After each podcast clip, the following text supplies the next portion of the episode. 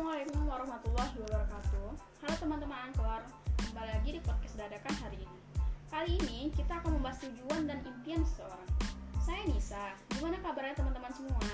Mudah-mudahan kalian sehat semua ya Apalagi pada masa pandemi gini Sebaiknya kalian di rumah saja sambil dengarkan Angkor ya kan?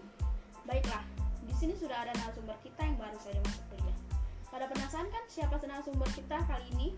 Apa sih tujuan dia dan cita-citanya apa? Nah, kita mulai saja nih. Assalamualaikum warahmatullahi wabarakatuh. Halo teman-teman, perkenalkan, nama saya Ahmad Fadli Azikli. Saya berasal dari Pekanbaru. Alhamdulillah, saya diterima di Institut Teknologi Sumatera atau biasa disebut juga dengan ITERA di Prodi Teknik Geomatika. Oke Fadli, saya mau nanya nih sama kamu, apa sih geomatika itu? Dan apa alasan kamu mengambil jurusan geomatika?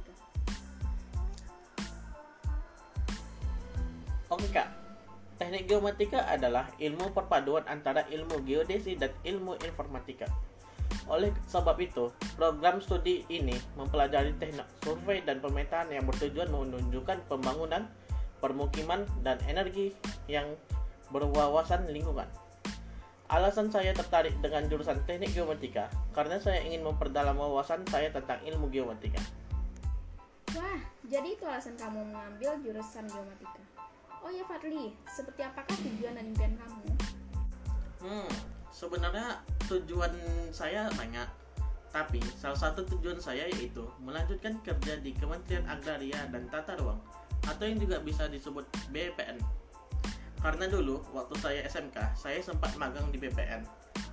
Kalau impiannya ya kak, hmm, saya ingin membahagiakan orang tua dan berguna untuk negara ini. Oh iya, untuk Fadli sendiri nih, ada nggak kiat-kiat untuk teman-teman di sana yang masih ragu mau melanjutkan kuliah apa enggak? Dan masih belum punya tujuan?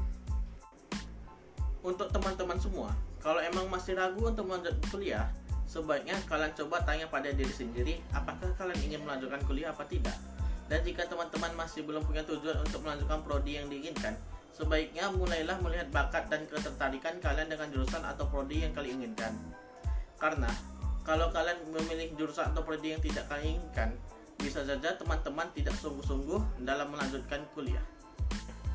Nah, itulah teman-teman.